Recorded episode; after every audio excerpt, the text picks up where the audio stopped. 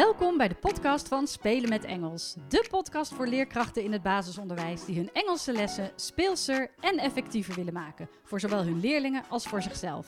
Mijn naam is Lauren en ik vertel je alles wat je wil weten over Engels. Hoe bedenk je inspirerende, afwisselende en communicatieve lessen?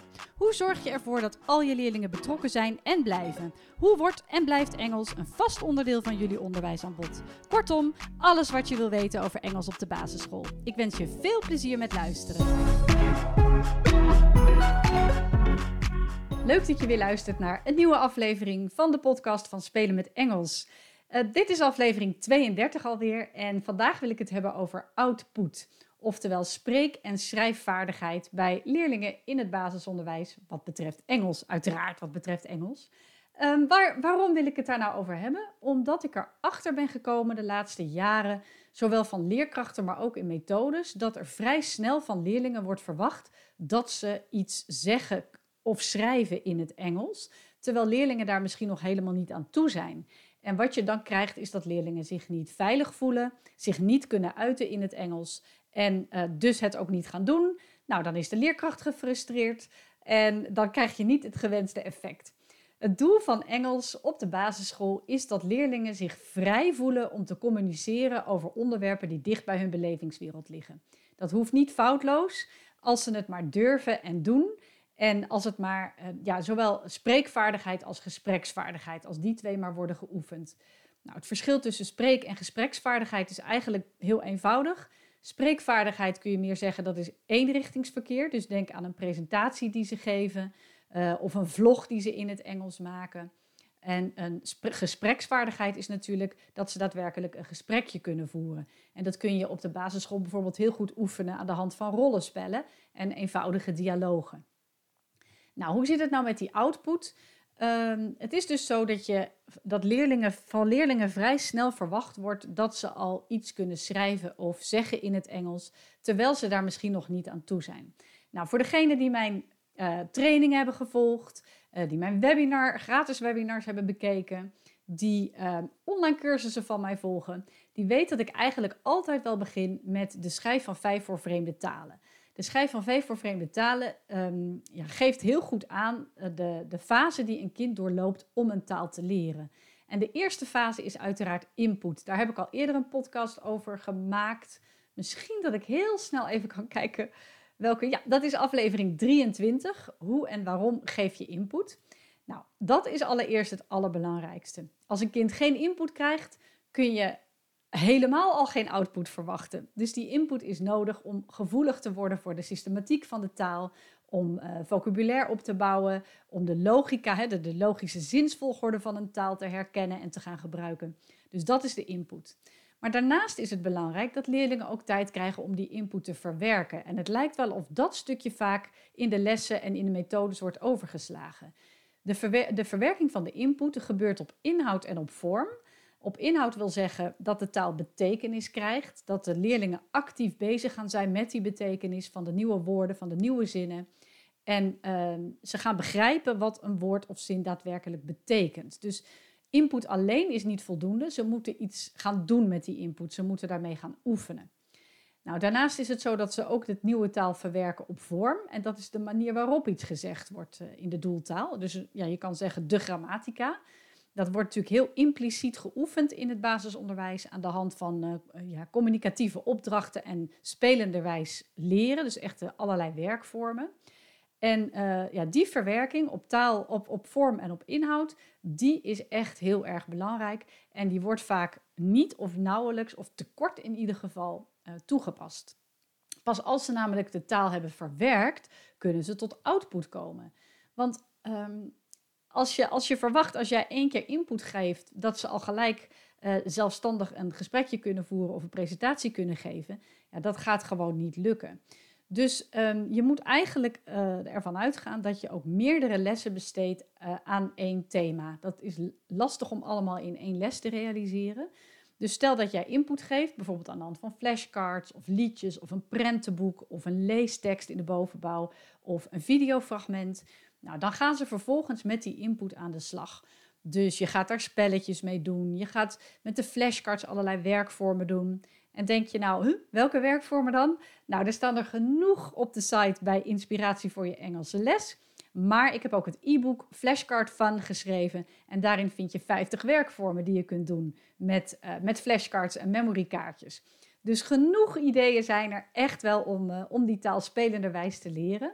Nou, als ze dat um, voldoende hebben, als ze daar voldoende de tijd voor hebben gekregen, dan, um, ja, dan, gaan, ze, dan gaan ze dat dus verwerken. Dus uh, denk aan uh, opdrachtjes waarbij ze woorden na gaan zeggen of naschrijven. Hè, dat is reproductief. Denk aan een bingo-spel. Denk aan spelletjes, nou, wat kan zijn met memorykaartjes. Uh, dus hele veilige opdrachten en werkvormen. En dat kunnen ook vanaf groep 5 echt wel werkbladen zijn waarbij leerlingen steeds weer opnieuw die taal gaan uh, gebruiken. En dat is dus echt een kwestie van herhalen. Ik kom veel op scholen en ik merk het ook in de leer, uh, bij de leerkrachten uh, die mijn online cursus volgen. Dat, dat de reactie vooral is: Oh, ik mag het nog een keer herhalen. Ik mag het nog een keer doen. Ik hoef niet elke keer wat nieuws te verzinnen. En dat is echt het geval, zeker bij Engels in de onderbouw. Herhalen, herhalen, herhalen. Dus als jij denkt: Nou, ik heb als input een leuk prentenboek. En je leest dat één keer voor en vervolgens helemaal niet meer. Ja, dat is echt zonde, want je kan dat prentenboek drie, vier keer lezen. Je kunt het op een andere manier brengen. Je kunt, uh, je kunt daar bijvoorbeeld uh, ook weer flashcards of memorykaartjes bij maken, waar leerlingen dan werkvormen mee doen. Je kunt uh, woordjes weglaten die ze dan moeten aanvullen. Je kunt expres bijvoorbeeld foutjes maken als je voorleest en dan kijken of ze daar eh, goed op inspelen. Dus dat zijn allemaal voor, ja, voorbeelden die je kunt doen met prentenboeken. En uh, daar heb ik ook een podcast over gemaakt. En dat is uh, podcastaflevering 8. Maak van een prentenboek een lessenserie. Dus op die manier, uh, dat geldt natuurlijk ook voor een liedje of een videofragment of een leestekst. Herhaal het. Het is zonde als je het maar één keer inzet. Um, zeker ook met liedjes merk ik dat als, als we een lessenserie gaan uitschrijven, dat leerkrachten geneigd zijn om in elke les een nieuw liedje te kiezen. Maar je kunt er beter voor kiezen om één liedje meerdere keren te herhalen, zodat leerlingen het ook echt daadwerkelijk eigen maken. En dat ze het uiteindelijk zelf gaan zingen. En dan heb je die output. Terwijl als je elke keer een nieuw liedje doet, ja, dan blijft het wel in hun hoofd. Dan is dat heel veel input. Maar ze hebben geen tijd om het liedje te verwerken. Want de volgende dag of de volgende week komt er weer een ander liedje. En dan moeten ze dat weer als input krijgen. Maar hebben ze ook geen tijd om te verwerken, want er staat er weer een ander liedje op het programma. Dus je kunt beter dat liedje herhalen. Ze gaan het verwerken. Ze gaan er eerst naar luisteren. Dan gaan ze het eens voorzichtig meezingen. En uiteindelijk gaan ze het dan helemaal zelf zingen. En dan heb je de output. Dan heb je bereikt wat je wilde. Nou, hetzelfde geldt voor uh, prentenboeken, wat ik al zei. Maar ook voor een leestekst of een videofragment in de bovenbouw. Nou is het wel zo in de bovenbouw.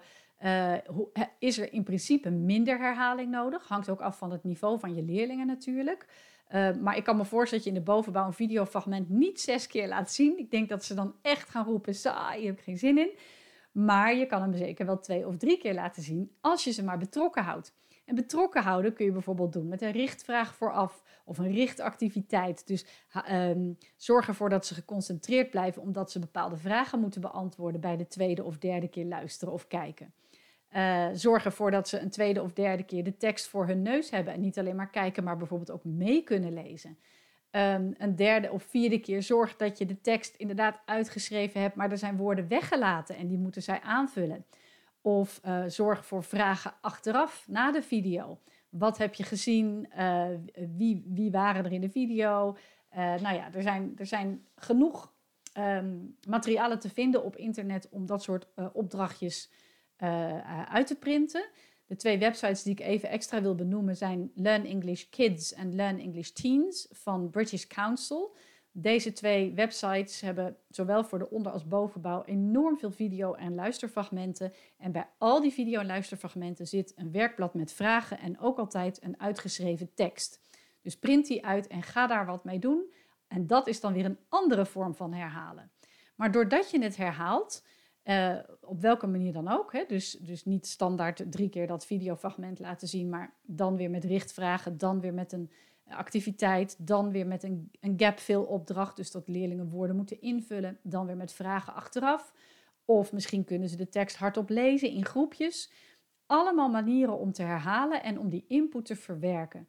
En als ze dan de input verwerkt hebben en daar de tijd voor hebben gehad, dan herkennen ze de vocabulaire, dan herkennen ze de zinsvolgorde. Dan kun je langzaam verwachten dat ze tot output komen. Nou, hetzelfde geldt, hè, ik heb prentenboek gehad, liedjes, videofragmenten. Volgens mij heb ik dan alles wel gehad. Leestekst geldt natuurlijk hetzelfde voor. En zeker ook als je puur woordjes wil aanleren, zoals met flashcards. Ja, dan is het ook een kwestie van herhalen, herhalen, herhalen, maar steeds op een andere actieve manier. En dan zul je zien dat je leerlingen betrokken blijven en dat ze op een gegeven moment na enkele lessen die woorden zelf gaan herkennen, zelf gaan zeggen, vanuit zichzelf ook eh, zinnen gaan maken. Uh, ga je met een dialoogje aan de slag, ook dat zul je heel veel als input moeten geven. Je zult hen de tijd moeten geven om die dialoog uh, samen te oefenen met verschillende klasgenootjes, in groepjes, klassikaal. En langzaamaan zul je dan merken hoe meer vertrouwd ze zijn met het thema, met de woorden, met de zinnen, hoe meer ze durven te spreken of te schrijven. Nou, je ziet het dus vaak in methodes ook, dat er in één les bijvoorbeeld, uh, dan wordt er een luisterfragment afgespeeld of een, een videofragment. En gelijk moeten leerlingen daar al een gesprekje over voeren of een verhaaltje bij schrijven.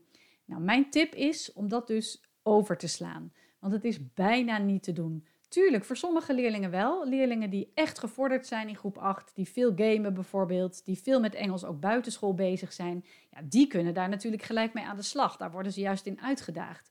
Maar voor de gemiddelde leerling, om het maar even tussen aanhalingstekens, voor de gemiddelde leerling is het gewoon heel prettig als die even de tijd krijgt om die input te verwerken en dat er niet van, gelijk van hem verwacht wordt dat hij al iets kan schrijven of zeggen. Dat maakt een leerling echt heel erg onzeker. En dan klapt hij dicht en dan denkt hij, nou ja, ik, ik ben dus kennelijk niet goed in Engels. Terwijl dat echt niet het geval is. Je bent wel goed in Engels, maar je hebt gewoon geen tijd gehad om, om het te verwerken. En om het je eigen te maken en om ermee te oefenen. Nou ja, wat ik ook in, in eerdere podcasts al zeg, het is uh, een, een, nieuwe taal leren is oefenen, oefenen, oefenen en uitproberen. Maar die kans moet je wel uh, krijgen om het, om, het, ja, om het allemaal te verwerken. Dus um, als je zo'n methode hebt of een opdracht in de methode, bekijk, ga daar dan eens kritisch naar kijken en bedenk: hey, dit, dit, hier vraagt, uh, bij deze opdracht vragen ze eigenlijk wel heel snel output van mijn leerlingen. Ze moeten gelijk al een verhaaltje schrijven, maar ik denk niet dat ze dat kunnen. Uh, dus skip het. Bewaar het voor drie lessen later. Als jij denkt, nu voelen ze zich veilig genoeg en nu voelen ze zich vertrouwd genoeg met dit thema en met deze vocabulaire. Nu kunnen ze dat verhaaltje wel schrijven. Het is niet zo dat je het helemaal weg hoeft te gooien, maar ga eens kritisch kijken naar de opdrachten en schuif er eens mee. Um, dus meer input geven, maar vooral ook geef leerlingen de tijd om de input te verwerken. Om niet gelijk uh, actief ermee aan de slag te hoeven, maar om er eerst receptief, dus luisteren en lezen, en dan reproductief, nazeggen en naschrijven, en dan productief, dus echt iets uit jezelf zeggen. Maar ook dat kan nog, ook dat doe je nog eerst binnen hele veilige kaders.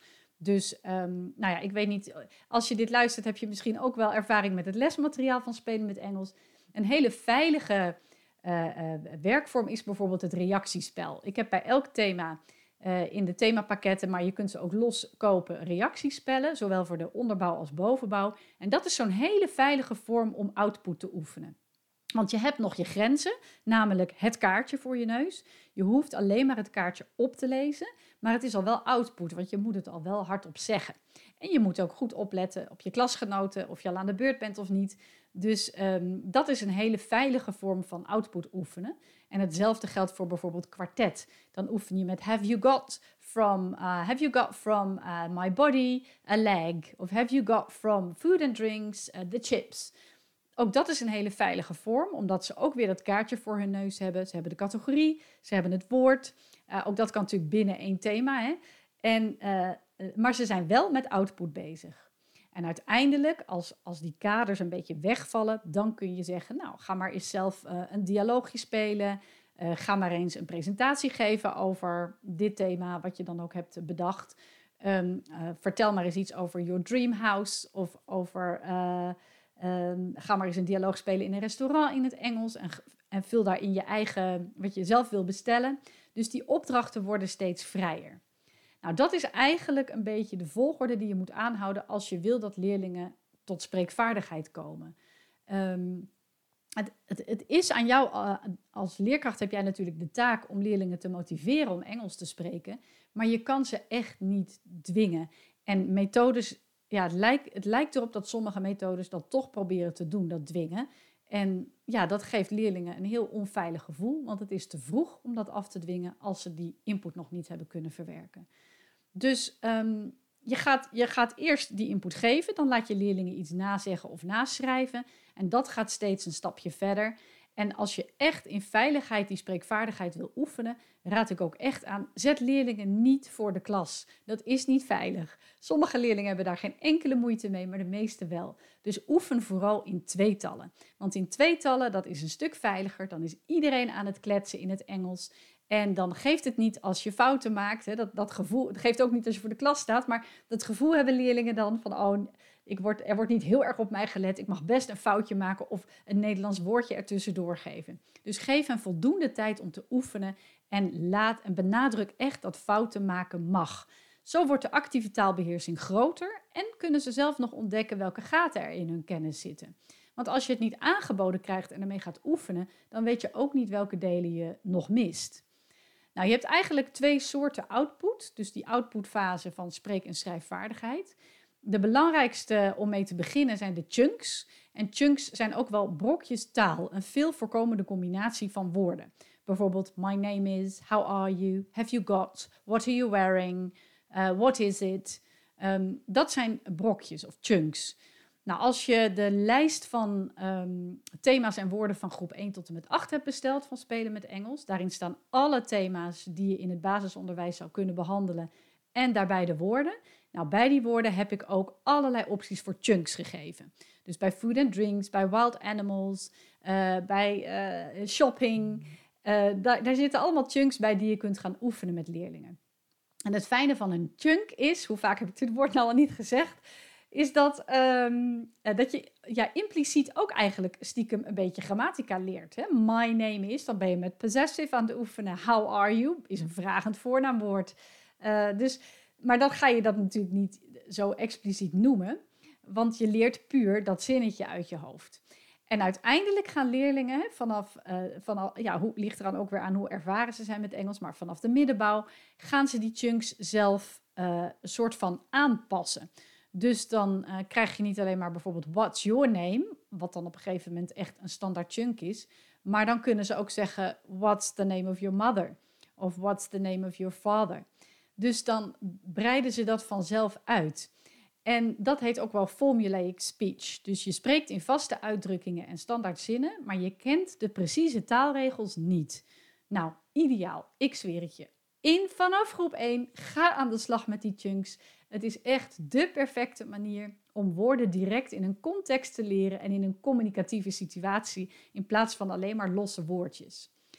Nou, de tweede vorm van output is regelgeleide output. En dat betekent dat je eigenlijk onbewust alle grammatica-regels toepast die je dan kent om een fatsoenlijke speech uh, te produceren. En dat wordt ook wel creative speech genoemd, omdat je zelf eigenlijk onbewust dus die grammatica-regels combineert en nieuwe zinnen kunt bedenken dan zijn het geen voorgebakken chunks meer.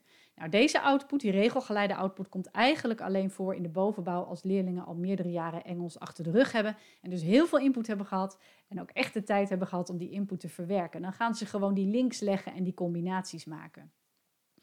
Um, en, en dan gaan leerlingen dus ook zich bewust worden van de gaten in hun kennis. Waar heb ik nog moeite mee? Hoe kan ik dat oplossen? Dus dat, uh, dat is de outputfase. Um, zelf nee, dat is, ja, vind ik dat, ik wou zeggen, zelf vind ik dat de leukste fase. Uh, ja, ik vind dat zelf de leukste fase. Oh, ik moest even nadenken. Ik vind alles namelijk leuk. Ik mis het lesgeven ook best wel, maar ja, het is niet anders. En waarom ik dat zo'n leuke fase vind, is omdat dit de fase is waarin je bijna niks meer klassikaal hoeft te doen. Hè? Bij de inputfase ben je nog veel, is het nog wat leerkrachtgestuurder. En uh, daarna gaan de leerlingen steeds meer zelf doen. En bij output ja, ben je vooral aan het rondlopen, aan het begeleiden, aan het luisteren naar je leerlingen. En dan ben ik altijd zo trots op wat ze allemaal al kunnen en durven. En uh, ja, die veilige sfeer daarbij is wel heel erg belangrijk. Nou, die veilige sfeer creëer je natuurlijk op meerdere momenten. En daar heb ik ook verschillende podcasts over gemaakt. Maar een van de manieren om een veilige sfeer te creëren is dus om leerlingen de tijd te geven om de input te verwerken. Dus kijk kritisch naar je methode. Sla enkele opdrachten over als jij denkt dat ze, dat, te snel. Um, als, als, als ze te snel output verwachten van leerlingen. En output is dus niet alleen spreken, maar ook schrijven.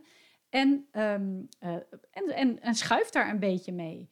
Ga in de eerste lessen van een nieuw thema of hoofdstuk vooral aan de slag met input. Check, if je leerlingen, check, if, check of je leerlingen de input aan het verwerken zijn, of ze daar voldoende tijd voor krijgen. Zorg voor veel herhaling, zeker in de onderbouw. Herhalen, herhalen, herhalen. Liever één liedje vier keer herhalen dan vier keer een ander liedje. Herhaal een prentenboek, herhaal een leestekst of videofragment. En um, laat leerlingen daar dan receptief en reproductief mee oefenen. Bijvoorbeeld aan de hand van werkvormen met flashcards, die je in het e-book Flashcard Fun vindt. Maar er zijn nog hele, heel veel andere manieren natuurlijk ook. Kijk ook naar opdrachten uit je methode. Kijk ook eens bij de werkbladen van Spelen met Engels, waar, waar leerlingen op allerlei verschillende manieren, ook van receptief naar productief, uh, uh, die input gaan verwerken. En dan uiteindelijk komen ze tot output en voelen ze zich veilig genoeg om in het Engels te spreken, ook al maken ze daarbij nog behoorlijk wat fouten. Dat geeft niet. Het gaat er gewoon om dat ze, dat ze het durven. Um, in de onderbouw, dat is nog even het laatste dingetje wat ik wil zeggen. En ook daar heb ik al, dat heb ik al in eerdere podcast genoemd hoor. Maar zeker in groep 1, 2 uh, gaan leerlingen door een stille periode. Dat wil zeggen dat ze de taal wel in zich opnemen, maar niet specifiek al tot output komen. Dus zeker bij groep 1 en 2 verwacht je nog niet van leerlingen dat ze daadwerkelijk al iets uit zichzelf gaan zeggen. Ze zullen wel reproductie hebben, dus jou nazingen of een liedje nazingen of iets wat jij zegt nazeggen. En er zullen ook echt wel leerlingen zijn die al iets uit zichzelf zeggen. Bijvoorbeeld kleuren, weet je wel, oh, dit is blue, juf. Of uh, ik ga mijn coat aantrekken. Dat zul je echt wel, wel merken. Dat is super leuk als dat gebeurt. Maar in principe uh, ja, gaat dat echt pas van start vanaf groep 3, 4. Dan kun je echt verwachten dat ze hele chunks gaan, gaan maken.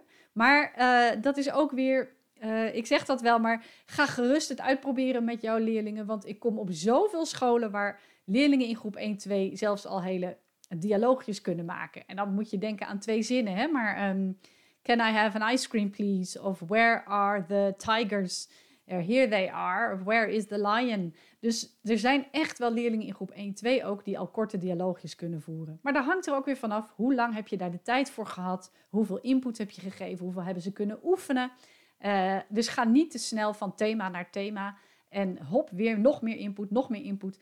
Dan zit het allemaal wel in dat hoofd, maar je wil ook juist dat kinderen uiteindelijk zelf daarmee aan de slag kunnen. Goed, dat is wat ik wilde zeggen over uh, output. Uh, kijk ook eens op mijn website bij de schijf van vijf voor vreemde talen, waar ik, nog, waar ik daar ook iets over vertel, over input, over de verwerking van input en over output. Heb je nog niet eerder van mij een training of cursus gevolgd? Ik geef nog één webinar dit schooljaar op 1 juni, op woensdag 1 juni om 3 uur. Mm, daar kun je ook eens, uh, eens aan meedoen en dan kennis maken met spelende wijze Engels leren en Engels geven. En wil je juist hier veel meer over weten en hier veel meer in verdiepen? Ja, kijk dan eens bij de online cursus van Spelen met Engels. Online cursus 1 en 2. Uh, eh, want dan gaan we echt, dan ga, ja, dan ga je gewoon helemaal echt diep uh, daar, daarop in, op die didactiek. En dan ga je die werkvormen gelijk ook allemaal uitproberen in jouw groep. Nou, ik dank je hartelijk voor het luisteren. Ik hoop dat ik je wat inspiratie heb kunnen geven en dat je wat kritischer naar je methode en naar je eigen lessen gaat kijken.